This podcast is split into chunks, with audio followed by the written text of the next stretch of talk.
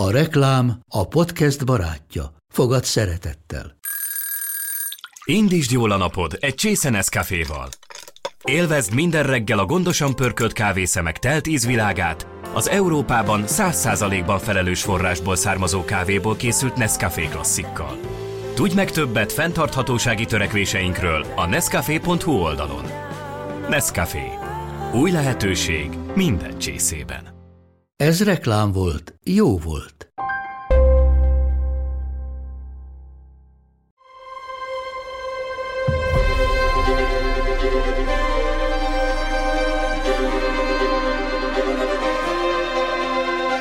Mikor Trianon következményeiről beszélünk, az anyaországban legtöbbünknek a veszteség jut eszünkbe.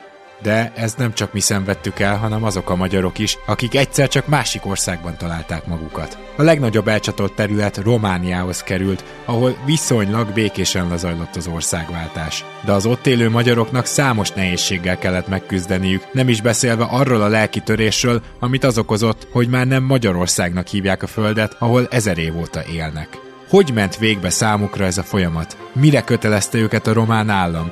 Mikor kellett esküdt tenni, új nyelven érettségizni, hova telepítettek be románokat, és vajon a hatalmas változások után hogyan érvényesülhettek új országukban a magyarok?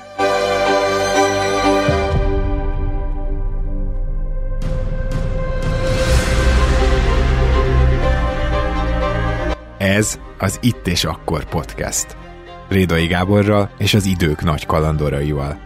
Amit mondunk, az történelem.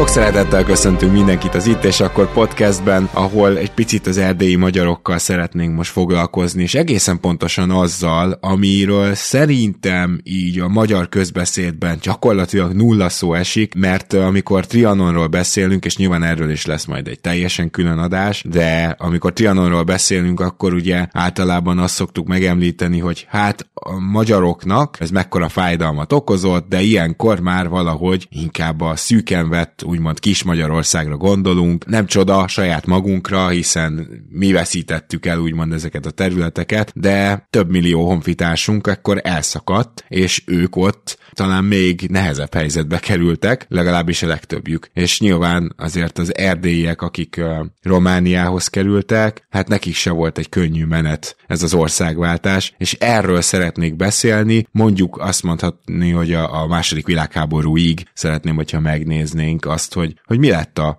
sora igazából az erdélyi magyaroknak, mivel kellett szembenézniük, és legfőképpen azt, hogy vajon volt-e az ő részükről remény akár az autonómiára, hogy álltak az esetleges visszacsatoláshoz, ugye Horti revíziós politikájáról erről már beszéltünk, úgyhogy ehhez a témához nem akárkit sikerült megszereznem, ugyanis itt van velünk dr. Fodor János, aki a Bábes-Bolyai Tudományegyetem Történelem és Filozófia Karának Magyar Történeti Intézetében dolgozik egyetemi adjunktusként. János, nagyon szépen köszönöm, hogy elfogadtad a meghívást, szervusz! Szervusz, én is köszönöm a lehetőséget két szóban mondj már valamit arról, hogy neked ez miért is annyira közel álló téma, mert lehet, hogy pár hallgató az pontosan tudja, hogy a Bábes Bolyai Tudományegyetem az bizony nem egy magyar tudományegyetem a szó mai értelmében. Igazából ez hivatalosan három tannyelvű egyetemnek számít, és hát ugye ezen belül, hát most anélkül, hogy különösen kitérjek a struktúrájára, ahol én dolgozom, ez a Magyar Történeti Intézet, itt tizennéhányan, azt hiszem 15-ön vagyunk főállású munkatársak, és hát itt ugye több szakterületet lefedve próbáljuk ugye a történelmet, a nemzetközi kapcsolatokat, a művészettörténetet és egyéb tanirányokat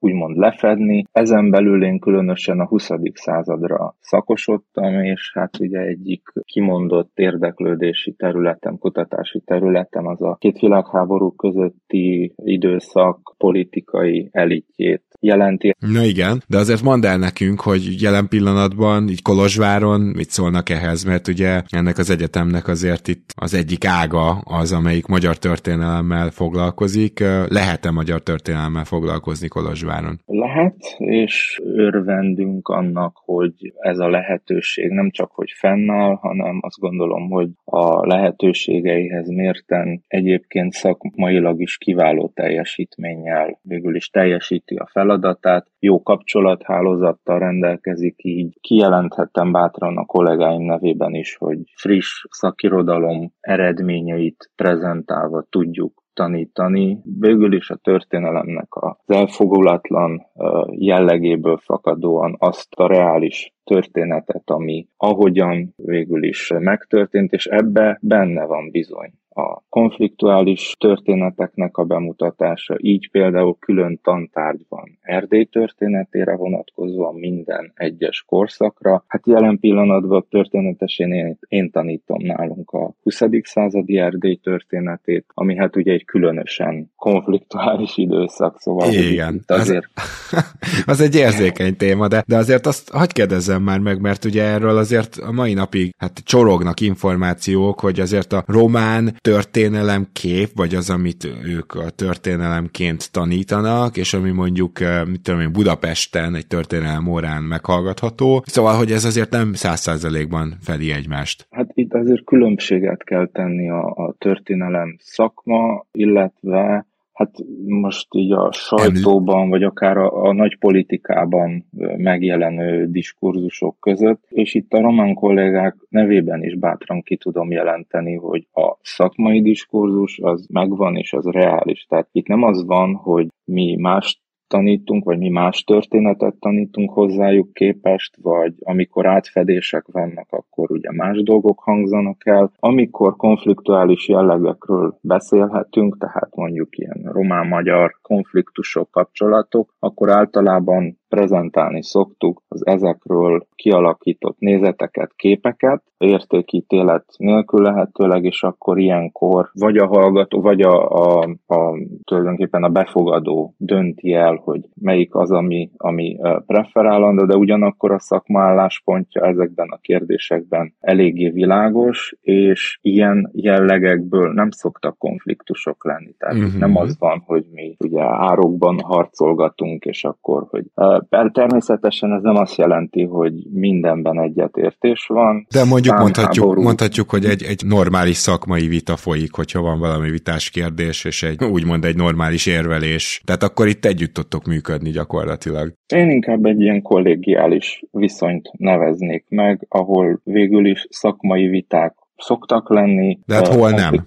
kevésbé. Így van, így van. Igen. Ja, hát ezt, ezt nagyon nagy örömmel hallom, és szerintem ez egy érdekes betekintés volt itt rögtön az elején, abba, hogy milyenek nálatok a viszonyok, viszont akkor én azt gondolom, hogy egy picit essünk neki ennek a témának, ami igazából ugye Erdély Trianon után, de először is mondjuk saját magamon is, aki többször volt kint Erdélyben, voltak oda kötődéseim, és ezért egy kicsit a szívemen viselem, de hát még, még, még saját magamon is, mikor készültem az adásra, szembe kellett kellett néznem azzal, hogy, hogy nevezték ezt Páciumnak, meg Erdélynek, de hogy akkor ugye mi a helyzet a Temesvár környékével, tehát hogy mire mondhatjuk rá, hogy Erdélyt. Ma már, ma már ezt a szűken vett Erdélyt használjuk talán, miközben van olyan időszak a történelemnek, amikor ez egy sokkal nagyobb tájegységet jelölt. Így van, sőt, nem is árt ugye a történelem szempontjából sem a földrajzi megnevezések tisztázásával kezdeni, ugyanis amikor ugye Erdélyt nevezzük meg, ezen belül gyakorian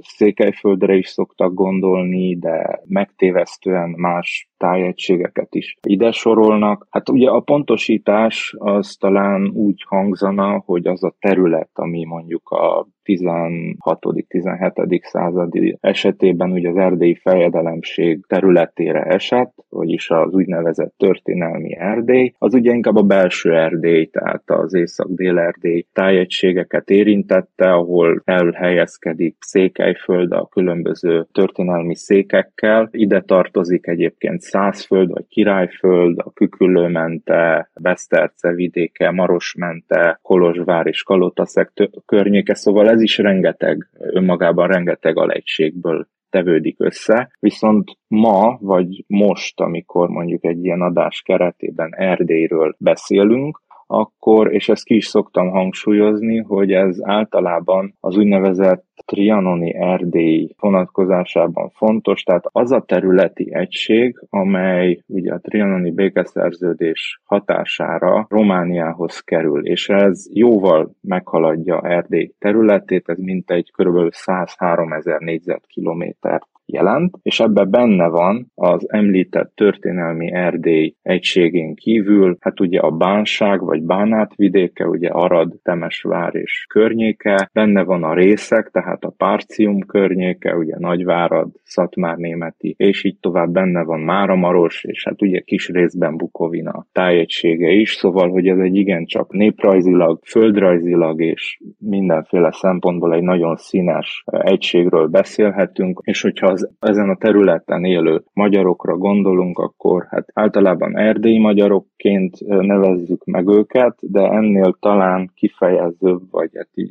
teljességre törekedve mondhatni, ugye a romániai magyarság megnevezést szoktuk hívni, hiszen azóta, és hát ez mondjuk most már a teljes 20. századra vonatkozik, ugye Erdély, vagy azon vidékek, amelyek Romániához kerültek, azon, azon kívül eső területeken is azért beszélhetünk magyar lakta területekről, tehát Bukarestben például a román fővárosban is él egy, hát így, így egy igen jelentős kolónia egyébként magyar középiskolával, és így tovább. Jászvásáron, tehát Moldvában is vannak ilyen helyek is. Egy picit beszéljünk már arról, hogy ha az ember Trianon előtti ilyen népesség térképeket lát, akkor azt látja, hogy ennek a területnek nyilván Székelyföldön bőven többségben vannak a magyarok, de azért Erdély egy részében is, de Erdély bizonyos részeiben, és például a bánságban, stb.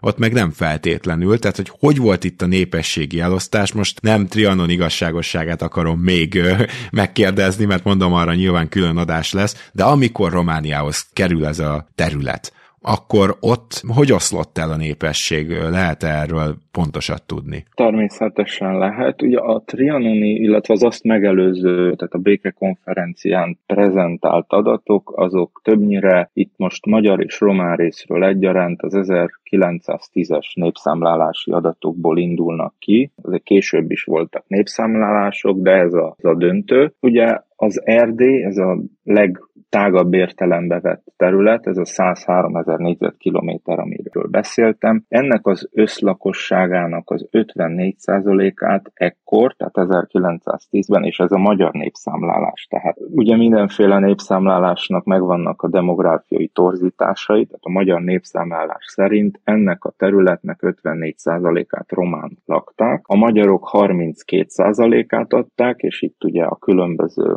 földrajzi helyzetükből adódóan mindent egybevetve kell érteni, tehát a viszonylag tömb vagy kompakt Székelyföldtől egészen a, hát ma már szorványnak hívjuk azokat a részeket, ahol ennél kevésbé sűrűen lakják ezeket a részeket. Nagyjából egy 9%-on volt a történelmi német ajkú lakosság, ezt azért nevezem így, mert itt szászokról, svábokról és hasonló népcsoportokról beszélhetünk, és a fennmaradó százalékokat egyéb kisebbségek adták, amelyek nyilván jelentőségükben nem kevesebbek, viszont számarányaikban igen. Tehát egy jelentős gazdasági erőt jelentett a, zsidó lakosság, amely szintén itt egy történelmi hagyományjal rendelkezett, és, és így tovább.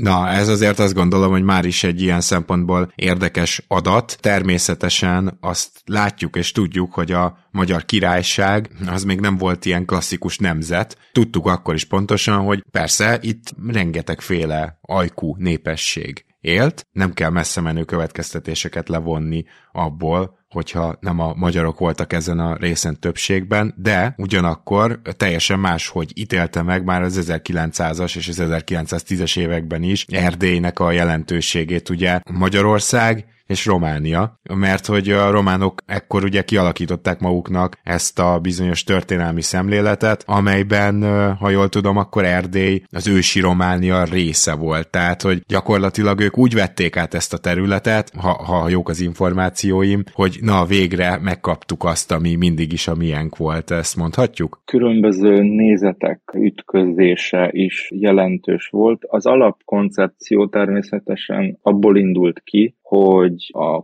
korábbi történelmi korszakokban általában ezeken a területeken nagyjából három történelmi nemzet volt, mint olyan elismer, hogy a magyar, a széke, illetve a száz, és ebből már pedig ugye látjuk, hogy idővel számbelileg is többségbe kerül, a románság is szeretett volna egy hasonló ilyen státust elérni, amely hát ugye egészen a, hát mondhatni most már az első világháború kitöréség, vagy akár végéig is gyakorlatilag kimaradtak. És hát ez azért különböző nemzetiségi konfliktusokat is jelentett, a különböző korszakokról is beszélhetünk. A lényeg az, hogy ennek az orvoslásának a hiánya természetesen kiegészülve azzal, hogy azért sajátos történelmi szemléletet is igyekeztek, ugye az Erdély iskola néven ismert értelmiségi csoport, illetve mások jóvoltából ugyanúgy tekintettek ugye szülőföldjükként erre a területre, mint akár ugye a magyarok vagy az egyéb nemzetiségek. A különbség az, az, hogy itt azért megteremtődtek, tehát ezek a politikai mondjuk ráhatások, hogy például ugye a 17.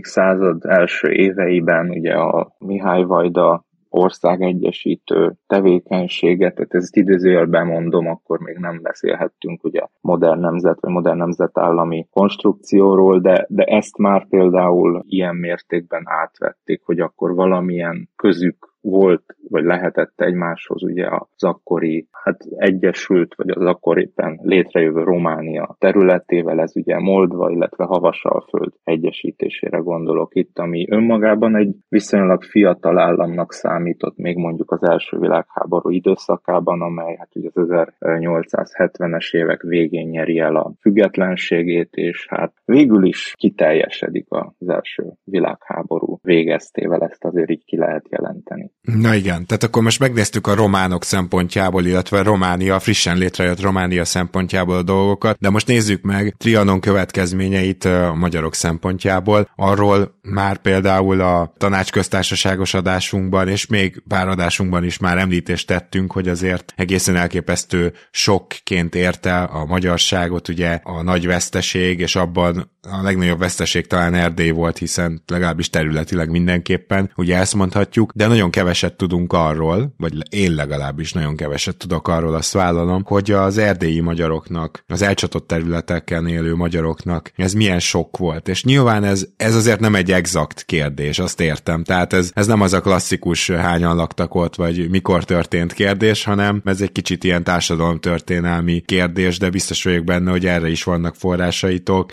Ha máshonnan nem, akkor kultúrán keresztül, az irodalomból, vagy az újságcikkekből. Azért gondolom, átjött az, hogy ezek az emberek hogyan élték meg ezt a veszteséget. Számukra ez mekkora sok volt, tudom, minden ember más, de mi volt úgymond a közösségi lélekben ekkor? Igen, ez egy nagyon érdekes kérdés így önmagában egyébként, hogy az össztársadalom, amint az erdélyi magyar társadalom ehhez hogyan viszonyult, és erre mondjuk egy ilyen komplexebb válasz talán nincs is, mint hogy nem készült ekkor ugye közvéleménykutatás, viszont, ahogy említetted, forrásaink azért vannak, tehát léteznek naplók és feljegyzések, és hát a sajtó is már amennyire tudta ezt közvetíteni, az azért jelen van, illetve hát az irodalmi tevékenység által is eléggé gazdag betekintésünk van abba, hogy mi zaj, zajlódhatott, mint ugye mentális vagy akár felfogási szempontból ezekben az időszakokban, és itt szándékosan beszélek többes számba, hiszen itt ugye nem lehet azt mondani, hogy egy adott dátum van, ami, ami ugye vízválasztó. Legyen az a trianoni békeszerződés, legyen annak az a ratifikálása, vagy legyen a mondjuk az 1918 évvégi események. Ezekre egy együttesként kell gondolni, amit mondjuk impériumváltás folyamataként lehet összességében leírni, és ez, hát ugye 1918 végétől mondjuk a háború végétől lezáruló események következtében egészen hát a trianoni békeszerződés aláírásáig, vagy annak a ratifikálásáig, vagy talán egy picit még későbbi időszakra sűríthetünk be, és ebben vannak különböző olyan események, amelyek más-más mértékben mondjuk így rázták meg a, a közvéleményt. Itt ugye mire lehet gondolni, kiderül, hogy Magyarország számára ugye elvesztődik, a, tehát elveszti a, a világháborút, ezt ugye tudjuk. A leg fajsúlyosabban talán a Tisza István október végi bejelentése az, ami mértékadó, a katonák megjelenése, tehát a román bevonulás történetek eseménye is nagyon fajsúlyos tud lenni egyes naplókban. A román adminisztráció átvétele vagy ennek a beköltözése is ehhez hasonló ilyen változásként jelenik meg, vagy jelenhet meg a mindennapokban. Van egy egészen nagy számú menekültáradat, ami ugye a Magyarország vagy az anyaország fele indul el. Ez is talán ide tartozik, mint más mentális mondjuk objektum, mint olyan. Hát vagy Akkor... reakció, de erre hagyj, hagy kérdezek már bele egy kicsit részletesebben, hogy itt a menekült áradat ez rögtön a első világháború végénél elindult, tehát azért gondolom elég sokan realizálták azt, hogy ez egy lehetőség, hogy ez nem lesz többet Magyarország, és ez alatt az időszak alatt meg lehet állapítani, hogy körülbelül mennyi menekült érkezett Erdélyből a szűken vett, vagy Kis Magyarországra? Erre vonatkozóan a legfrissebb kutatásokat ugye a Trianon 100 kutatócsoport, tehát Ablonci Balázsék hozták. Erre tudok én is hagyatkozni, tehát ennek az adataira. Itt azért egy több százezeres tömegről van szó, és ez jelentősen, ez is kijelenthető, jelentősen a középosztályt, vagy a hivatali osztályt érintette. Tehát azok a hivatalnokok, azok a legtöbb esetben értelmiségiek, sok esetben addigi arisztokraták, képviselők, nagy birtokosok, ezek. Illetve hát azért voltak nyilván a szegényebb rétegekből is menekülők. Na most ezt azért tudni kell, hogy megelőzte egy korábbi eseménysorozat, jelesül az 1916. augusztusi román betörés, amikor Székelyföldnek, tehát Csík, illetve Udvarhészék vármegyének egy jelentős részét elkezdték kiüríteni. Hát ekkor is egy ilyen több tízezres menekült áradat indul el először belső Erdélyben, egészen Magyarországon át, hát nem is tudom, szerintem Észak-Magyarországig eljut ez a, megpróbálták ugye elosztani, hogy ne legyen egyik településen se jelentősebb teher ennek a menekült áradatnak az ellátása. Tehát mondjuk ne hát álljon hát meg ugye, mindenki Debrecenben. Például igen, illetve hát ugye miután elhárul ez a veszély, hiszen ugye elég csúnya kudarcba fullad ez a román betörés, szóval hogy elég gyorsan sikerül ezt nem csak hogy megállítani, hanem hát végül is Romániát kapituláltatni, visszaköltöznek és hát ugye mire mondjuk az utolsó ilyen menekülő is eljut oda, hogy akkor visszaköltözik, és azért ezek elég szerencsétlen körülmények között történtek. Tehát magukkal vitték a javaikat, amit tudtak, a jószágaikat, és ezeket útközben sajnos el kellett legtöbb esetben adniuk, és így tovább. Minden esetre, amikor visszaérkeztek, elkezdődik az impériumváltás folyamata. Hát azért gondolhatjuk, hogy még egyszer nem akartak elindulni, azért ezt is figyelembe kell venni.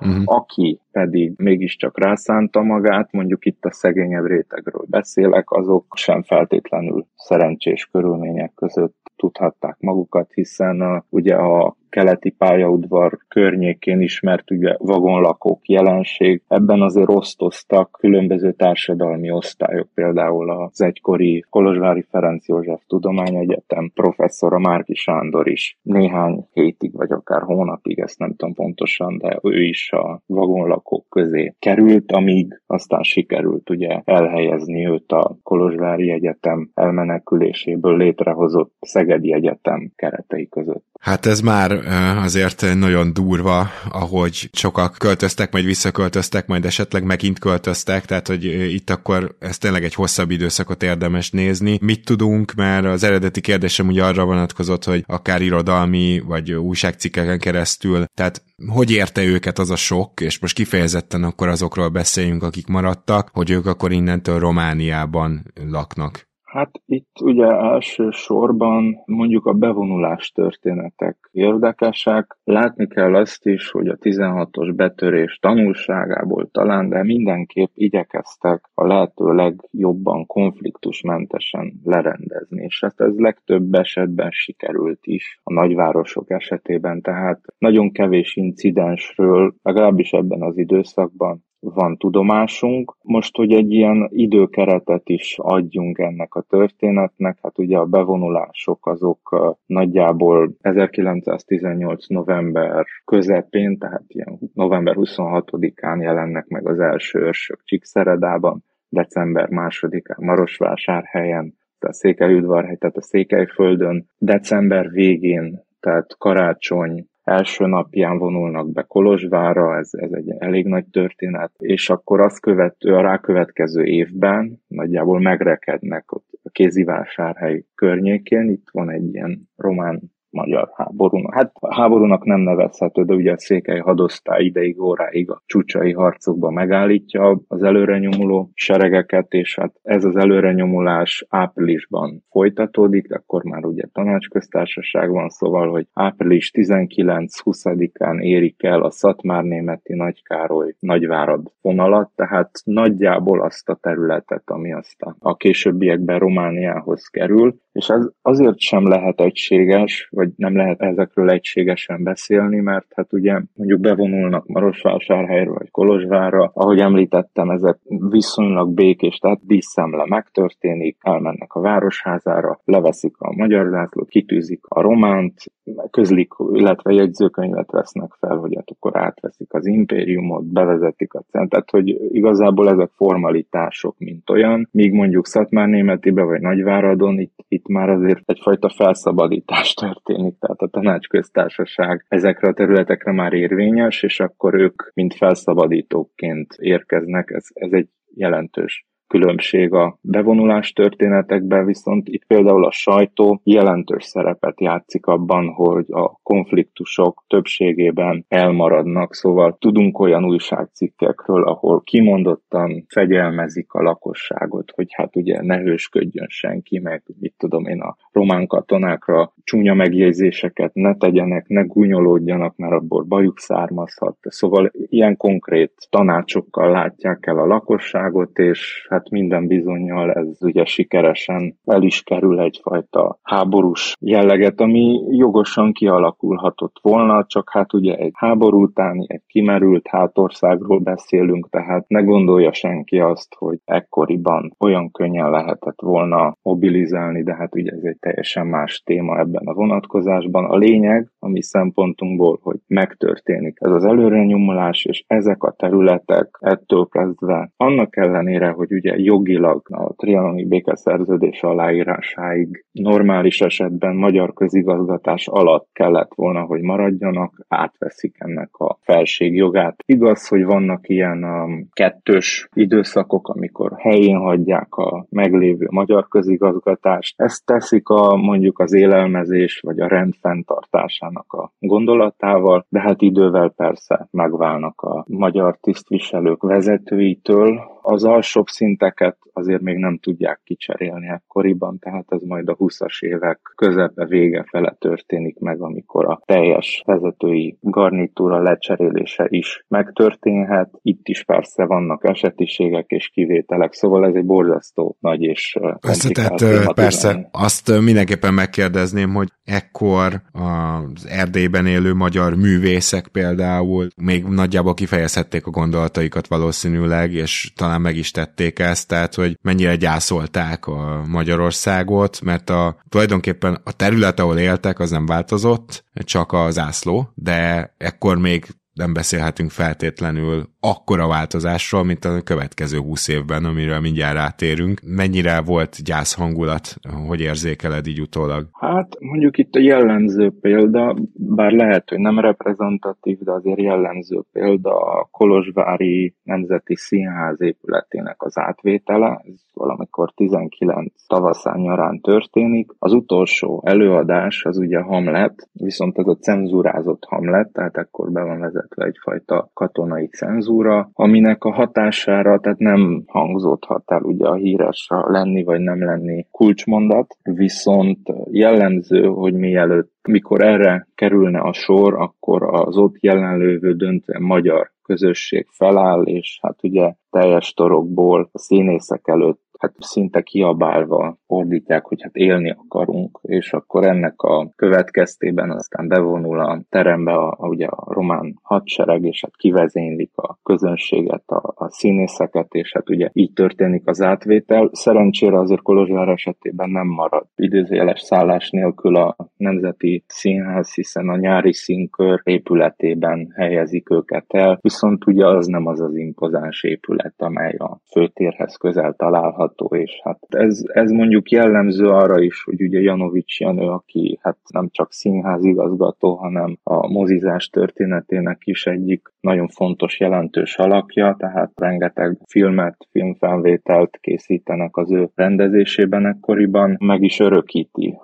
az egyik ilyen impériumváltáshoz köthető eseményt, a Kolozsvári Magyar Nagygyűlést, ami december 22-én történik. Tehát ő például itt marad és kitart, mint művész, mint alkotó a társulatával, egészen a visszacsatolásig, sőt azt követően egészen az 1945-ös haláláig ő vezeti végig a Kolozsvári Színházat, művészeti életet. Természetesen van olyan művész, aki már nem folytatja itt tevékenységét, ez is egy ilyen esetiség kérdése, de alapvetően ez mindvégig egy dilemma lesz a két világháború közötti időszakban. Ez ugye az a klasszikus menni vagy maradni kérdés. Aha, aha. Kinek ugye hogy éri meg? Egyébként alapvetően az emberi dimenziója is ennek elképesztően nehéz lehetett nyilván. De beszéljünk arról, hogy miért is volt ez ennyire nehéz, mert hogy nyilván a románok, amikor Trianont már ratifikálták, akkor utána neki kellett, hogy lássanak, kezdjenek valamit ezekkel a területekkel. Ugye nyilván, ahogy már említetted, a közigazgatást elkezdték már átvenni, és valószínűleg ez folytatódott. De mik voltak a 20-as években az első dolgok, amivel a magyarok és mellesleg a szászok szembesültek?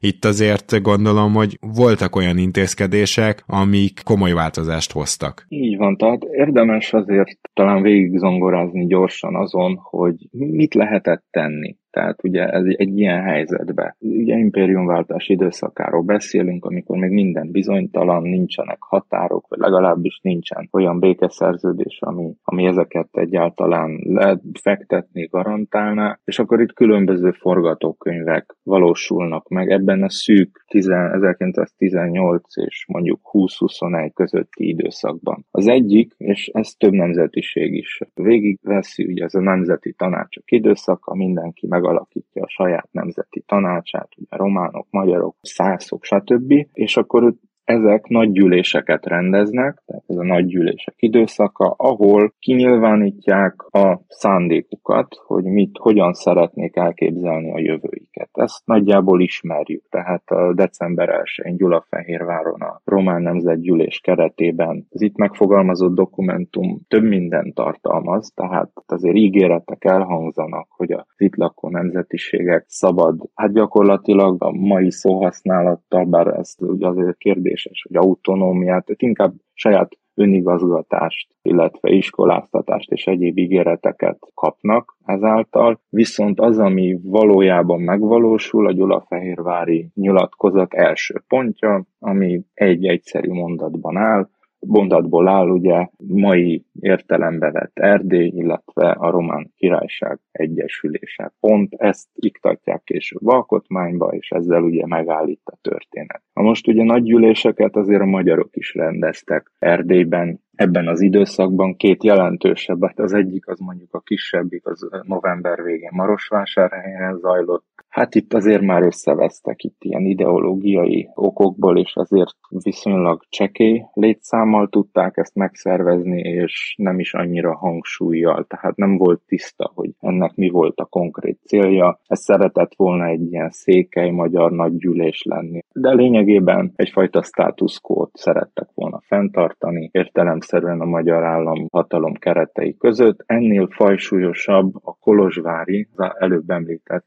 1918. december 22-i nagy gyűlés volt. Na itt már azért egy elég hathatós szervezési mechanizmus keretében több tízezer ember eljött, és akkor Kolozsvár központjában ez egyfajta antitéziseként is működhetne a Gyulafehérvári Román Nemzetgyűlésnek, itt természetesen az ellentétét nyilatkozták, és azt kívánták volna, hogy ugye Magyarország keretei között maradjon mindazon terület, amely ugye érintve van, hát ugye a háború és a körülmények által. Ezt persze nem vették aztán későbbiekben, tehát a katonapolitikai helyzet nem tette lehetővé, de az úgymond európai határhúzó döntés sem vette figyelemben ennek a végül is a kívánságait. igen, igen, igen. Így van. A szászok vagy a német ajkú lakosság kiváró taktikát alkalmazva, hát ők 1919. januárjában, amikor már eléggé világos volt a helyzet, ők elfogadták a román államhatalomhoz való csatlakozást abban a reményben, hogy ezzel egyfajta enyhé, enyhébb elbánásban részesülhet meg, mondom, ez politikailag, tehát, hogy mondjuk jobb kiváltságjogokat kaphatnak. Ez is egyfajta taktika volt. Na most a magyarok részéről még, hát hogyha ugye nem lehet, vagy nem működik ez a nagygyűlések, akkor nézzük meg, hogy mit lehet még ugye tenni, és akkor ezek az ilyen kis kérészállamok, vagy kis köztársaságok megalapítása is szóba jött. Néhány az, ami tervezetben létezett, ilyen volt ugye a Kós Károlyék által Bánfihunyat központtal létrehozni kívánt Kalotaszegi köztársaság, amelynek hát állítólag legalábbis Kós Károly hivatkozik rá, hogy ennek a pénznemét, meg a logóját, meg a nem tudom, a címerét is talán ő megtervezte, bár erről semmilyen egyéb megerősítést nem találtunk mindeddig. Ez lett volna az egyik, de ez mindössze tervben maradt. Volt a bánáti vagy a bánsági köztársaság, ami hát egy ilyen egy-két hétig működött, és hát ott látjuk is azt a bélyegzőt, amivel mondjuk, amit tudom én, a magyar pénznemet, a koronát ellátták, és hát ez mint olyan létrejött, de nagyon rövid ideig és fenntarthatatlan módon be is bukott. Tehát létezett egy harmadik, több is, de hogy a harmadik az a Székelyföldre vonatkozott, itt Pál Árpád nevét kell kiemelni. Ő egy székely köztársaságot kívánt létrehozni, ez egy ilyen nagyon érdekes, mondjuk így állam forma lett volna, élve, élvezte volna a Magyarország vagy a Magyar Királyság, a Román Királyság közös protektorátusát, viszont az akkori nagyhatalmakat is felkérte volna, hogy garantálják ennek a területnek a különállását. Most ezt valamikor 1919. január mondjuk az első heteibe kívánta kikiáltani, és hát ugye a kikiáltás előtti nap letartóztatják Pál Árpádot, szóval, hogy ez sem jön létre, mint olyan. Ezek voltak akkoriban az úgymond alternatívák, és akkor innen kell aztán megnézni, hogy a későbbi időszakokban az erdélyi vagy a romániai magyarság politikailag önmagát hogyan próbálta megfogalmazni, és ugye ebből milyen eredmények születnek. De most ugye 20-as évekre rátérve ott azért gondolom mind a magyarságnak a politikai szerveződésébe, mind a hétköznapjaiba beleszóltak azok a változások, amit a román királyság hozott. És ezek közül az egyik, de ezt nyugodtan soroljuk végig, hogy mik történtek, de ezek közül az egyik fontos, ez a nagyon különös eskü letétele volt. Szóval, hogy itt kicsit ilyen feudális érzésem van még, ami azt illeti, pedig tudjuk jól, hogy az persze Magyarország is királyság államforma, illetve Románia is, de hát ez, ez, ez nem a feudális királyság azért már. Mégis egy, például egy esküre kötelezték ugye őket. Ezekről beszélni egy kicsit, hogy mégis mit, mit kellett tenniük attól, hogy ők most Romániához tartoztak a 20-as években, mivel kellett szembesülniük a magyaroknak? Igen, tehát a hűségeskü kérdése, mint olyan, az is egy nagyon érdekes jelenség ennek az időszaknak. Hát ez mondjuk nem annyira feudális jellegből fakad, hanem ugye, hogyha egy államhatalom úgymond kiterjeszti a területét más részekre, akkor végül is egyfajta normális elvárás, hogy az ottani lakosság hűségét valamilyen módon kinyilvánítsa, és hát ez volt a hűségeskü kerete. Itt a probléma inkább az volt, hogy mindezt kérte már 1919-ben, amikor még ugye nincs úgymond írott, vagy nincs meg a trianoni békeszerződés, tehát mint olyan ez igazából nem lett volna teljes mértékben legális, és itt különböző történetek vannak, tisztviselőktől, tanároktól, egy egész jelentős léptektől. Már elkezdték követelni ezeket a hűségesküket, sokan vagy legtöbben talán engedelmeskedtek ennek, többen nem, illetve voltak olyan esetek is, például Marostorda vármegyében, hogy hát a vármegyei tisztviselői kar először letette a hűségesküt, és hát aztán később meggondolva magát kérte ennek a visszavonását, szóval hogy ez egy ilyen elég érdekes és átmeneti időszak. Minden esetre emiatt azért történtek már elbocsátások, tehát a hűségeskü megtagadása elbocsátásokat is jelentett, de tudunk olyan eseteket, ahol nem tudták nélkülözni annak az adott tisztviselőnek az ő általa nyújtott szolgáltatásokat, és akkor emiatt például hűségeskü nélkül a helyén maradhatott. Minden esetre ugye ez ennek egy morális szempontját is meg kellene nézni, tehát ugye képzeljük magunkat az akkori helyzetben, erdély magyarként, ha most ugye leteszem a hűségesküt a ilyen reálpolitikai gondolkodásárán, hogy akkor a román államhatalomra, de még nincs békeszerződés. Mi van akkor, hogyha párizsi döntnökök visszaadják Erdélyt Magyarországra, akkor ugye én hazárulást követtem el. Tehát, hogy van egy ilyen megfontolandó történet is ebben, illetve persze az akkori magyar államhatalom, amely aztán majd a tanácsköztársaság végével hát valahogy feláll, ők kimondottan bátorították arra a lakosságot informális csatornákon, hogy hát ha lehet azért álljanak ellen ennek a dolognak, legalábbis addig, amíg nincs tisztázva a helyzet, tehát nincs békeszerződés. A békeszerződés megkötését követően már viszonylag, hát ugye tisztázódik, mint olyan a helyzet, de addigra az erdélyi ma- magyarság politikai magatartásába sikerül kialakítani, és ez is egy ilyen érdekessége a korszaknak, úgy hívjuk, hogy a passzivitás politikája. Tehát mi passzívan szemléljük mindazt, ami történik, és ezzel egyfajta ilyen hallgatólagos tiltakozás, vagy a, ahogy az akkori művészek vagy költők fogalmazták az őrlő szó a fában, akkor mi lehetünk. Na most ez egy ideig, óráig, mondjuk 1921-22-ig talán jól is jött, működött, stb. Azt követően már viszont nem volt tanácsos, hogyha ön megfogalmazásról beszélünk, vagy politizálásról beszélünk, és akkor itt, hát ugye a passzivitás kimozdításában elég nagy erőfeszítések kellettek. Tehát tehát ezek ilyen szimbolikus gesztusok, például a történelmi magyar egyházaknak a vezetői, az Erdélyben maradt püspökök, Majlát Károly Gusztáv, vagy az unitáriusok püspöke Nagy Ferenc, vagy, vagy bocsánat, Ferenc József, az, a, a reformátusoké volt Nagy Ferenc, tehát ők a királynak, tehát első Ferdinánd királynak személyes megjelenésükkel, tehát a kezébe tették le, mint olyan az esküt, ezzel is jelezve, hogy most már rendben van, tehát ez a helyzet, a békeszerződést aláírták, ezt tudomásul kell venni, és annak érdekében, hogy valamit kezdjünk, ez végül is nem lehet egy olyan lépés, ami a korábbinak hit retorzióval járhat, és hát ez lesz majd az az út, amit végső soron járni kell, de hát azért idő kellett, amíg ezt az emberek most ilyen nagyon általánosságban mondom, megszokhatták. Persze, persze, meg erre azért rá kellett venni magukat, tehát ezt, ezt értem. Az államnyelvről is beszéljünk egy kicsit, tehát, hogy nem, nem tudom, hogy alapvetően hányan tudtak például a magyarok közül románul, és hogy a közigazgatásban, illetve egyéb területeken mennyire lett rögtön államnyelv a román. Azt például el tudom képzelni, hogy az iskolákban innentől kötelező volt a román nyelv megismerése, szóval gondolom, hogy ez is a 20-as években egy gyökeres változást hozhatott.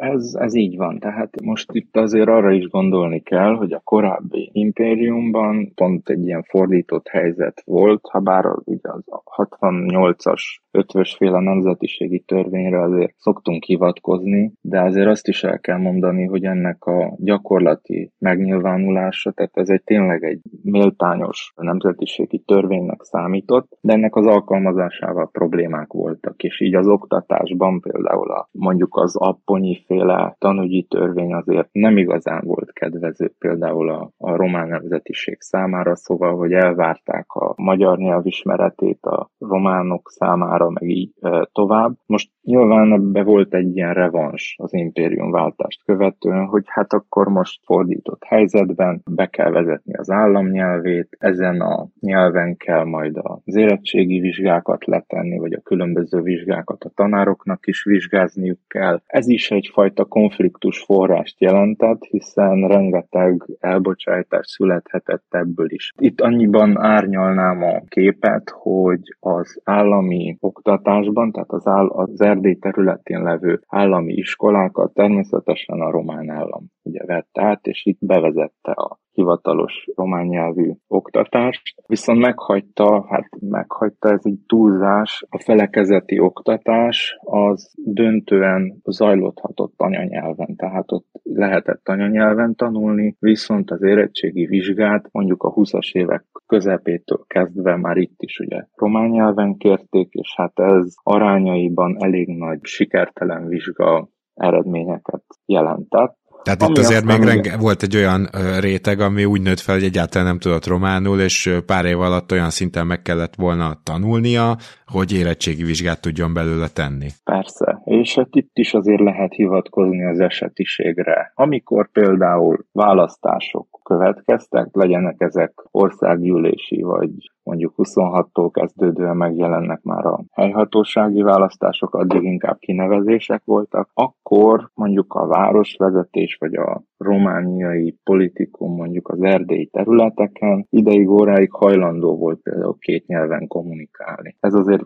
fontos volt, viszont nagyon fontos megérteni azt is, hogy ez egy eszköz, vagy ez egy fegyvertény is lehetett, hiszen most gondoljunk arra, hogy a 20-as évek elején a románul kibocsájtott hivatalos közleményben területeket, vagy akár nem tudom, javakat lehetett elveszíteni, tehát a nyelv tudásának a hiányából fakadóan, és hát ezt sokan ki is használták értelemszerűen, tehát a nyelv is egy konfliktus forrás volt, viszont azt is el lehet mondani, hogy a 20-as évek közepére, végére már megkezdődött egy ilyen felzárkóztatása az erdélyi vagy a romániai magyarok körében, főleg itt politikai vonalról beszélhetünk, amikor már megjelennek azok a politikusok, azok a tisztségviselők, akik megtanulnak románul, megtanulják a bukaresti politikai játszmák szabályrendszerét, hiszen ez is egy külön történet lehet akár, hogy ennek milyen nehézségei voltak, és ebbe hogyan lehetett beletanulni pontosan,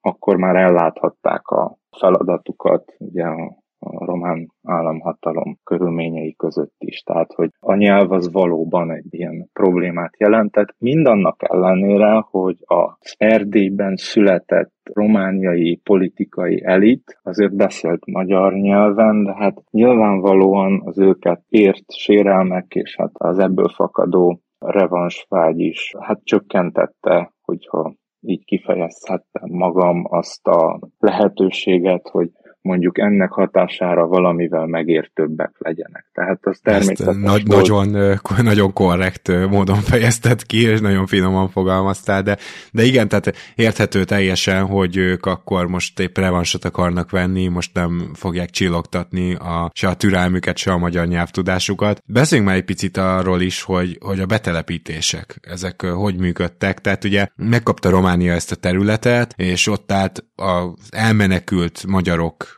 után is azért rengeteg magyar volt, és hát például Székelyföldön ugye a mai napig magyarok vannak többségben, tehát hogy el tudjuk képzelni, hogy voltak olyan tömbök, amik teljesen magyar tömbök voltak. A román állam ezt akarta-e, hogyan akarta orvosolni? Inkább azt kell megérteni, hogy a román állam, illetve hát ez nagyjából mai napig jellemző, ez egy nagyon központosított, tehát egy főváros központú, és ebből fakadóan fővárosi politika központú államról beszélhetünk, aminek szintén ezért vannak, vagy lehetnek konfliktus forrásai, de ez, ez mondjuk román, románok között is megnyilvánul. Tehát mondjuk egy Giulio Manu, ugye Manu Gyulaként is szokták hívni a korszakban, ő abszolút arra gondolt, hogy Erdélyt egy más politikai jogrend szerint kellene kormányozni, de, de minimum egyfajta közigazgatási szabadságot is kaphat. Ezzel szemben, hát ugye a döntően nemzeti liberális párti bukaresti képviselők egy, egy, egy francia modellként ugye a nemzetállamba gondolkodva, hát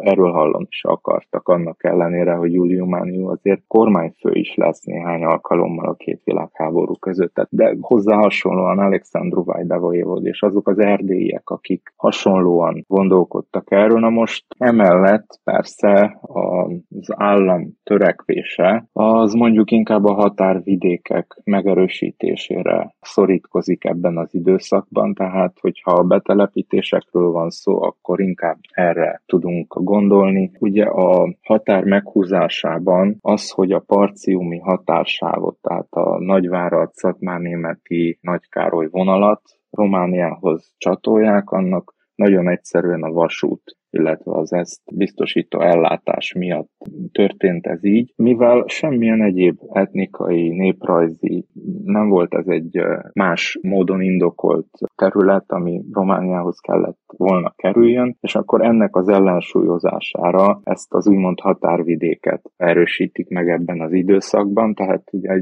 itt azért van egy ilyen félreértés is, hogy ami a kommunizmus időszakából ragadhatott a közgondolkodásba, hogy hát ugye a nagy gyárakkal, akkor telepítettek embereket addig hagyományos közösségekbe, és ez valóban így is történt, de a két világháború közötti időszakban inkább a határvidéket erősítette meg az igencsak központosított román állam, szóval betelepítések esetében erről tudunk beszélni. Így például a nagyobb városok hát gazdasági és hát természetes vonzáskörzetüket is nagyjából elveszítették, tehát most gondoljunk a Nagyvárad, Debrecen, vagy a Bánság esetében azért Arad, Temesvár, ezek borzasztóan jól kiépült, polgárosodott városok voltak, multietnikus városok, ezek virágzó kulturális hagyományokkal rendelkeztek, gazdaságilag is ezek, tehát fenntartásához értelemszerűen közbe kellett lépjen a román állam, tehát ilyen jelenségek is közrejátszottak. Uh-huh. Akkor beszéljünk egy picit arról is, hogy ugye Horti uralma Magyarországon gyakorlatilag egy az egyben az ő revíziós törekvései köré épült, tehát hogy ő neki ez volt a legfőbb célja, sőt ugye a Horti adásokból tudjuk, hogy bevallottan a, az államvezetés nagy részéhez nem is értett, hanem hát e köré a vízió köré próbálta szervezni Magyarországot. Ezek az revíziós törekvések eljutottak-e a romániai magyar értelmiséghez, a romániai magyarokhoz? Lehetett erre reagálni? Mit szóltak el ezzel kapcsolatban? Mi volt a várakozásuk? Lehet erről valamit tudni? Hát ez nyilván a lehet erről valamit tudni kérdésben benne van az is, hogy mennyire ment ez a föld alatt. Bizonyára Magyarország szempontjából Horti személye mindenképp fontos, de én azt gondolom, hogy itt érdemesebb azon kult szereplőkről beszélni ugyanebben az időszakban, akik mégiscsak erdélyi származásúak voltak. Tehát ugye több mint egy évtizedig a Hortikország kormányfője azért mégiscsak a Maros-Torda vármegyei születésű Betlen István volt. Őt megelőzte a szintén erdélyi származású Teleki Pál, aki azért két ízben is volt Magyarország kormányfője, és így tovább. Az egyik jeles külügyminiszter, ugye maga Bánfi Miklós, aki hát a rövid külügyi pályafutását követően 1926-ban visszatér Erdélybe, és leteszi a hűségesküt a román királynak azzal az ígérettel, hogy tíz évig nem fog politizálni, és ez be is tartja. Tíz év után persze rögtön ennek nekilát, addig az erdélyi művészeti életet szervezi, és ezzel csak azt akarom mondani, hogy hát természetesen ezek, ezek az emberek nem halványulnak el a korábbi kapcsolathálójuktól. Igaz, hogy ennek a fenntartása körülményesebb az új államhatalmi berendezkedés miatt, de informálisan különböző csatornákon keresztül azért értesíteni tudták, hogy legalábbis a különböző külpolitikai elképzelések mindenképp eljuthattak az erdély magyar politikai elithez. Létezett már ebben az időszakban is egyfajta, és ez is informális volt, támogatáspolitika mondjuk Erdély irányába, itt főleg az egyházak fele, az iskolák fele, illetve az erdélyi magyarok politikai érdekképviseletét ellátó romániai országos magyar párt irányában, és hát a sajtó irányában, és így tovább. És akkor ezeknek a bonyolítói is közelálló emberek voltak az említett kormányfőkhöz, és így tovább. Hogy mondjuk erről konkrétan Horti mit tudott, én azt nem tudom, viszont... De, de az biztos, lát... hogy volt itt egy hálózat akkor, ami azért megpróbálta az úgymond anyaországból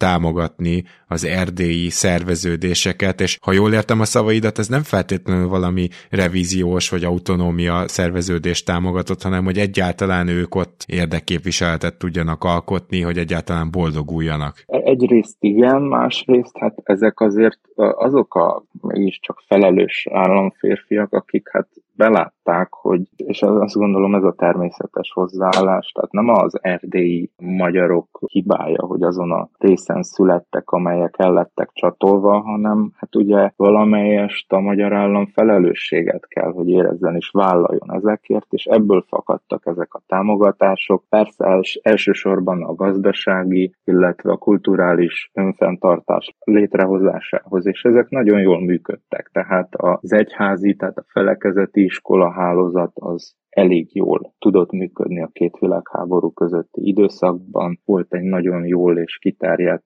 megszervezett szövetkezeti mozgalom, amely hát már-már egyfajta svájci mintát követve, de végül is a helyi termékeket eljuttatta a kisebb piacokra. Művészeti szempontból is volt egyfajta hát végül is támogatás és kapcsolat is, ugyanakkor pedig ez az új államhatalmi helyzet azt is eredményezte, hogy megjelenik mint olyan, addig nem volt ennyire különálló jelenség az úgynevezett erdélyiség, tehát az erdélyi magyar irodalom, az úgymond transzilvanista gondolat, tehát hogy akkor ezzel kell valamit kezdeni. Megjelennek az erdélyi íróknak a fóruma, tehát az erdély, a helikoni közösség, és így tovább. És nyilván ezek működhettek magyarországi támogatása, de legalábbis ezek tudtával működtek, és megmaradt, mint olyan ez a típusú kapcsolat, először nyilván körülményesebb formában. Persze most ugye a revízióval kapcsolatban azért azt is tudni kell, hogy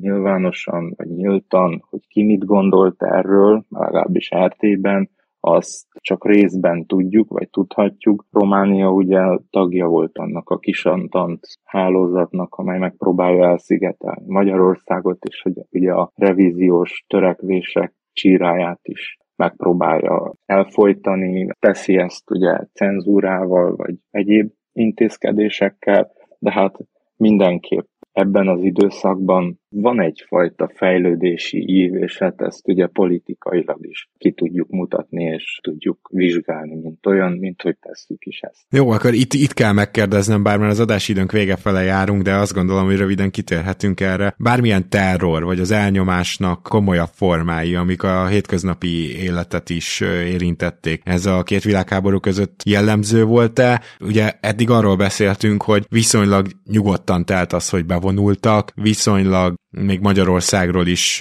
olyan üzenetek jöttek, hogy tegyék le a hűségesküt, és aztán megpróbáltak szerveződni. Ugye a 20-as évek végére említetted, hogy kitermelte az erdélyi magyarság azt a politikai generációt, aki igenis már Bukarestben is megpróbálta képviselni a magyarok érdekeit, tehát itt azért még egy viszonylag békés átmenetről beszélünk. Voltak-e ebbe, hát a terror túl erős szó is, de minden esetre olyan incidensek, amik megrázták esetleg a magyarságot, vagy a hétköznapjai céljaikra hát olyan hatással voltak, amit leginkább az elnyomás szóval jellemezhetünk? Erre mondjuk inkább egy ilyen politikai kitérővel tudnék a legplastikusabban válaszolni. Hát most terror az valóban erős szó, atrocitások, vagy antiszemitizmus, hát még talán rasszizmus is azért megjelenik, főleg a 30-as évek második felétől felerősödően, viszont azt talán kevesen tudják a hallgatók közül, hogy a román politikai rendszer miként működött, és talán ennek a megértése elvezett oda, hogy ez miért lehetett, vagy hogyan alakult ki. Ugye Románia is Magyarországhoz hasonlóan királyság volt.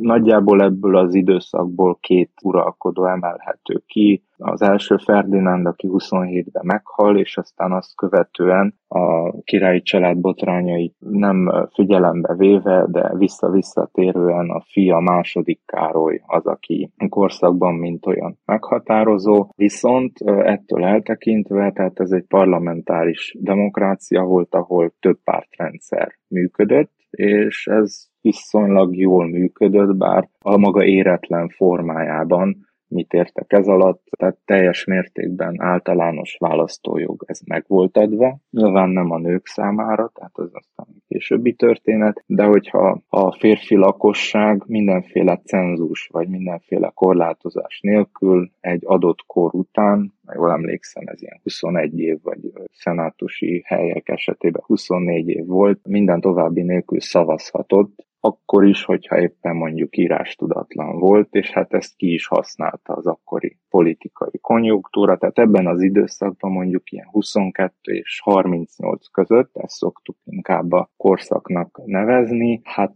nagyjából összesen 30 párt működhetett, de ebből mindössze három vagy négy volt az, amelyik reálisan kormányzóképes volt, és általában meg is nyerte a választásokat.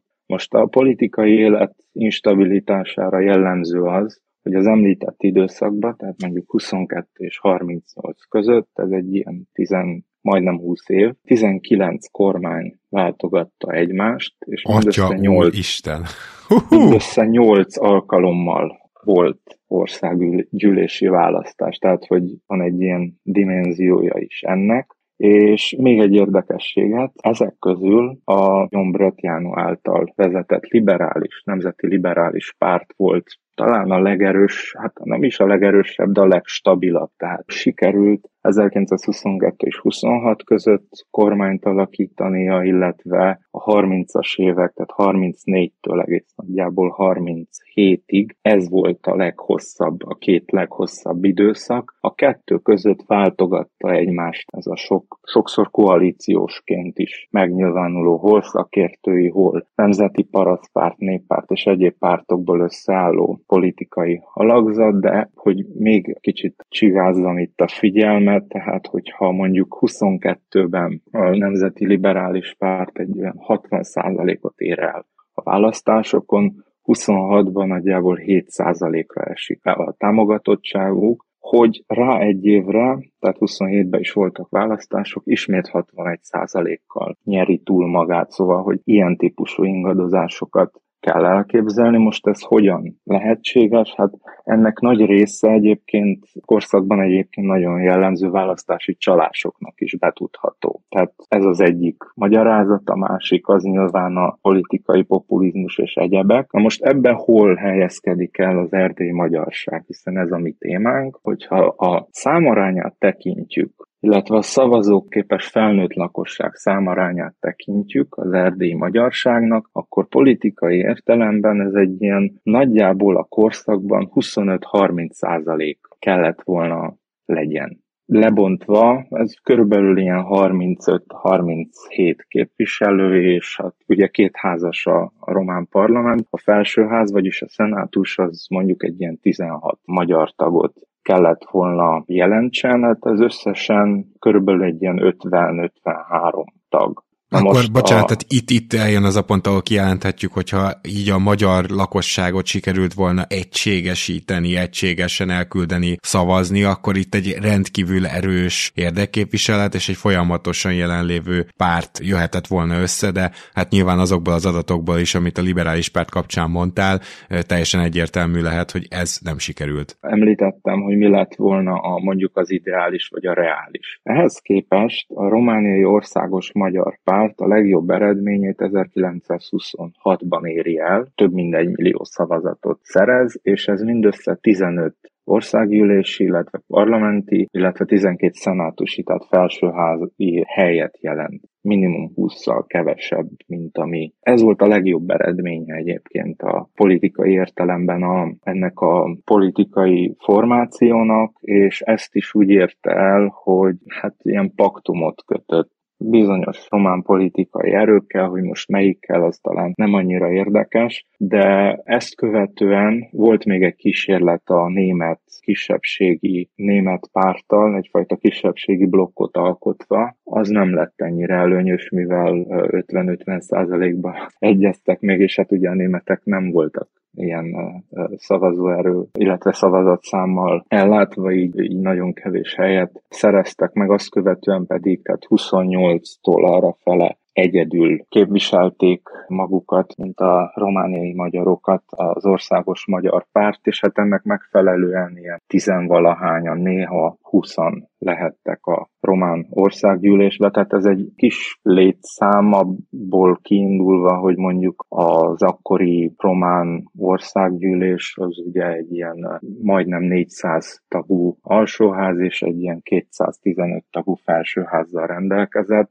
Ide azért oda kell a történelmi egyházak képviselőit is érteni, akik mindig megkapták az őket megillető helyüket a felsőházba, de ugye politikai értelemben akik bekerülhettek, azok ilyen létszámmal kellett valamit kezdjenek ezzel a helyzettel. Természetesen a választási egyezményeket vagy különböző alkukat kötöttek, de kormányra ekkor nem léptek, tehát az a 90 utáni időszaknak a jelensége lesz. Na most akkor azt mondtad, hogy ezen keresztül megérthetjük az esetleges atrocitásokat, illetve az, el, az elnyomásnak a, a miben létét, hogy hogyan jutunk Igen. el akkor ide? Hát úgy jutunk el oda, hogy ahogy a nemzetközi környezet a 30-as évek főleg végére, de közepétől érezhetően radikalizálódik. Ez beszivárok természetesen nem kivétel a Románia sem, ahol megjelennek ennek megfelelően, hát korábban is azért léteztek, de hangsúlyosan megjelennek azok a pártok, itt elég konkrétan a legionárius mozgalomra gondolok, amelyek hát elsősorban antiszemita, de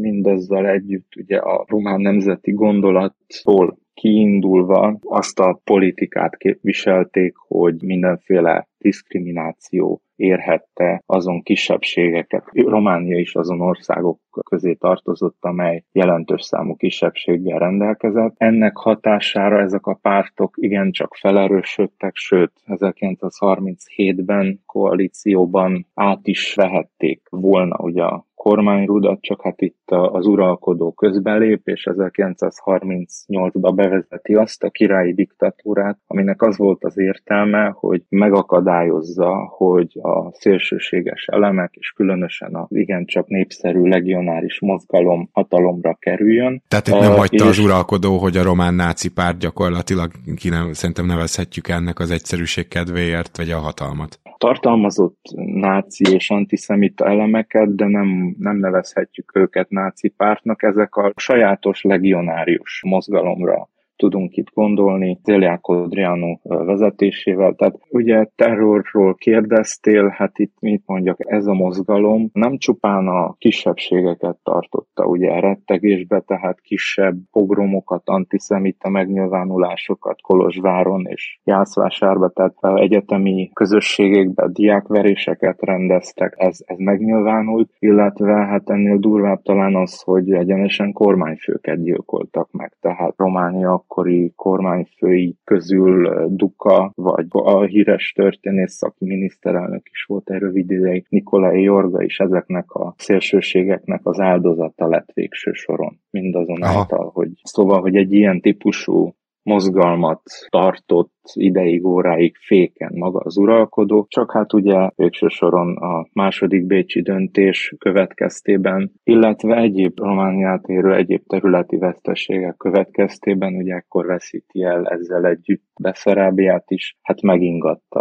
az uralkodó legitimitását, és hát lemondva, elmenekülve gyakorlatilag itt már nem volt mese, tehát a szélsőségek végül is a másik világháború időszakában átveszik a, a hatalmat, a hatalmat. Lehet jelenteni, igen. Gyakorlatilag a végigértünk, és tudom, hogy még rengeteg mindenről lehetne beszélni itt ebben az időszakban, de a záró gondolatként, vagy utolsó felvett gondolatként nagyon röviden kérlek, reflektálj arra nekem, hogy amikor aztán visszacsatolták Észak-Erdélyt és Székelyföldöt Magyarországhoz, gyakorlatilag egy ilyen csatorna Székelyföld felé létrejött, akkor az ott élő magyaroknak volt-e egyáltalán idejük megélni azt, hogy ők megint Magyarországhoz tartoznak, mert hogy hát közben folyamatosan háború volt, onnan is természetesen mentek el a hatképes, egészséges férfiak, tehát hogy gyakorlatilag az egy háborús helyzet volt, eközben valamennyire újra magyarok tudtak lenni, vagy, vagy erről nincs értelme beszélnünk. Hát ez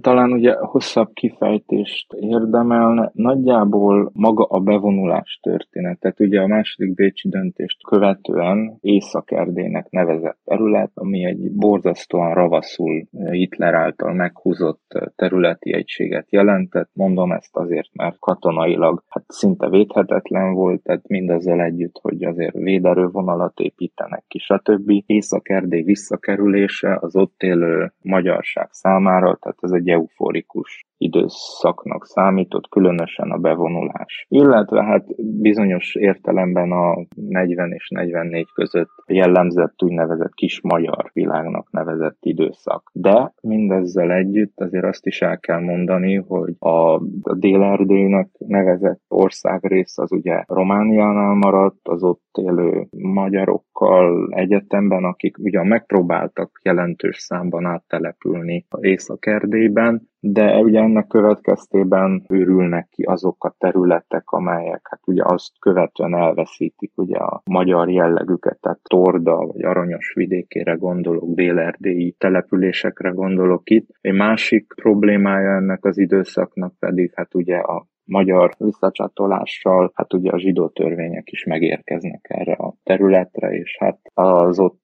ezzel bekövetkező borzalmak, azok bekövetkeznek sajnos Észak-Erdélyben is. Szóval egy borzasztóan diszonáns ennek a korszaknak a Aha.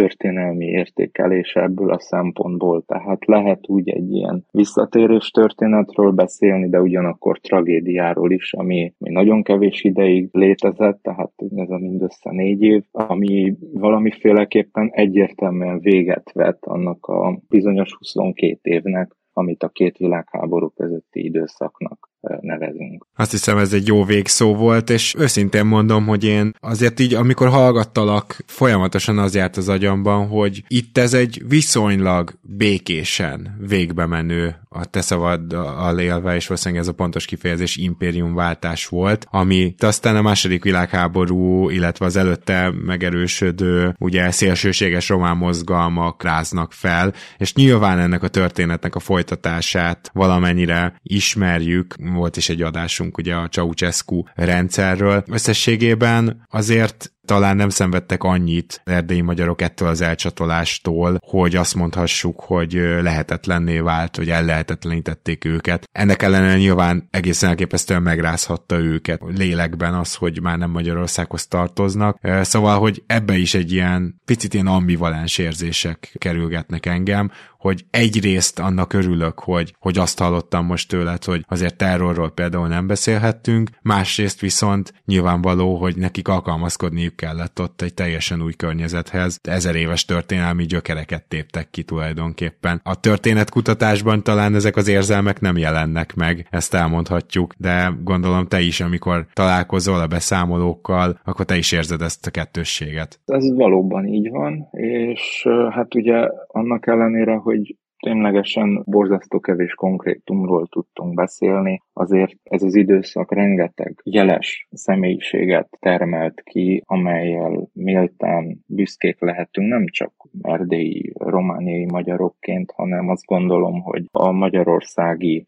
közösség is magáénak érezheti ezeket az alkotókat, ezeket a politikusokat, akik hát ezekben az időkben reálisan programmal utat mutattak ebben az időszakban, és olykor ennek az időszaknak a végigélésében, mert túlélésről azért nem beszélve, végigélésében jelentős mértékben segíthettek, tehát itt tényleg hosszú lenne a névsor ahhoz, hogy ebbe belekezdjünk. Dr. Fodor János, nagyon szépen köszönöm, hogy elfogadtad a meghívást, és hogy beszéltél nekünk erről az időszakról. Valószínűleg tartom, hogy még leszel vendég ebben a műsorban, és remélem, hogy akkor is majd szívesen jössz. Köszi még egyszer. Én is köszönöm, és, és abszolút szívesen beszélek bármikor. Kedves hallgatók, nektek pedig a figyelmet köszönjük. Most átbeszéltük, azt gondolom, ezt az időszakot az erdélyi magyarok szempontjából, de nagyon szeretném, hogy a többi elszakadt területről is majd szó essen ebben a podcastben. Persze, még ezer dolog vár ránk, akár most ősszel is. Minden esetre most búcsúzik Rédai Gábor, illetve a segédszerkesztő Katona Csaba, valamint Hampukriát és Román Balázs két producerünk, és vár a következő hetekben is jövünk akár hasonló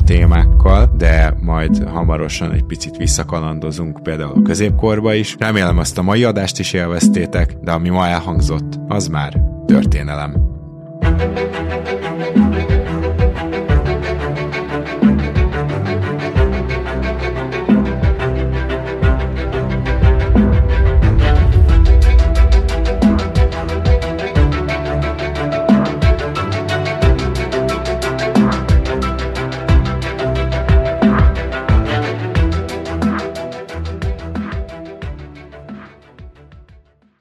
Ha más podcastekre is kíváncsi vagy, hallgassd meg a Béton műsor ajánlóját. El tudod képzelni, hogy a podcastet, amit éppen most hallgattál, fél év múlva már a mesterséges intelligencia generálja? Mi sem. De ha érdekel, eljötte már a gépek lázadása. Hallgass bele az Embertelen podcastbe. Orsós Lajos vagyok, a műsor házigazdája. Egyelőre még élőben. Egyelőre. Fedezzük fel együtt, hogyan ismerkedik, randizik, mesél és vitatkozik Betty és Péter, két teljesen mesterséges intelligencia. Lajos, a podcast címét mond még egyszer, Léci. Oké. Okay. Embertelen podcast. Ez egy Béton podcast.